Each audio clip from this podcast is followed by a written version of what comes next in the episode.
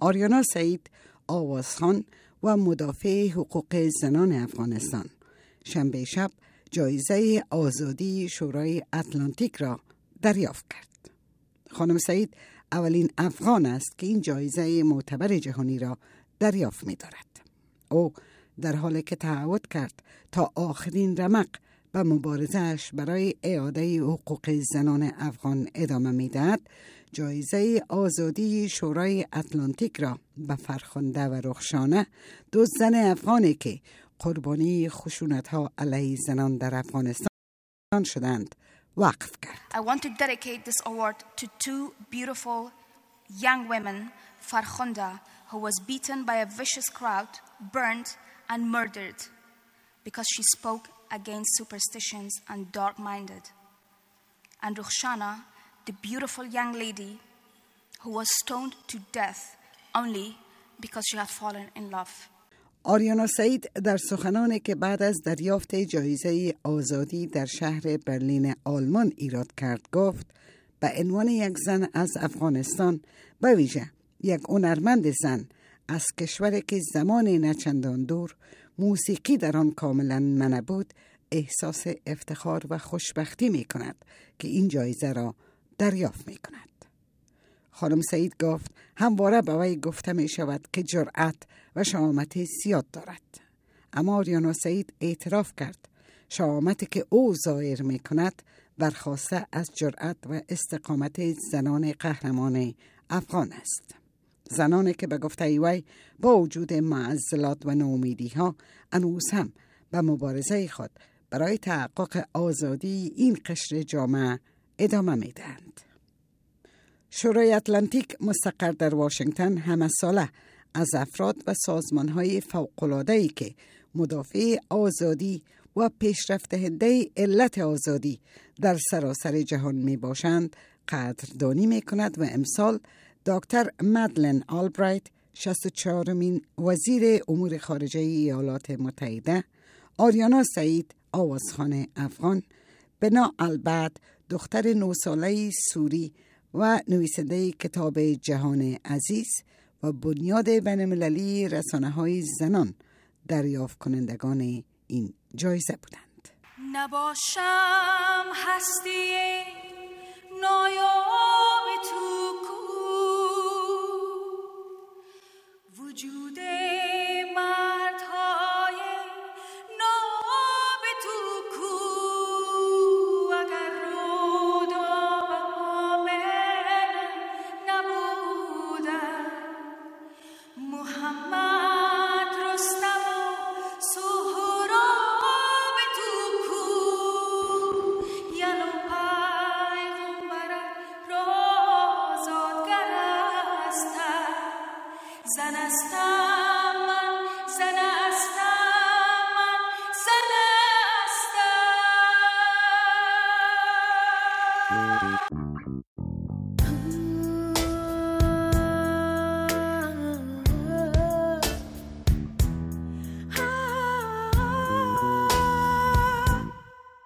زن هستم دختر هستم خواهر هستم رفیق و همسر هستم مادر هستم. دو حرف و یک هجاله که به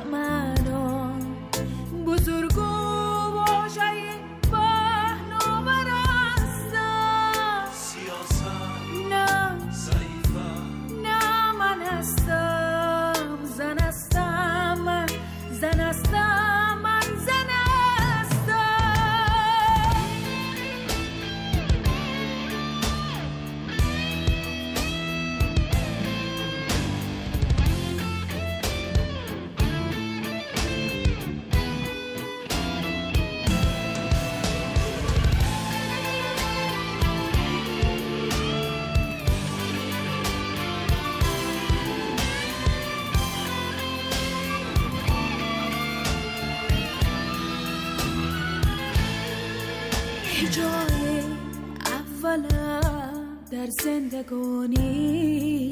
چرا باید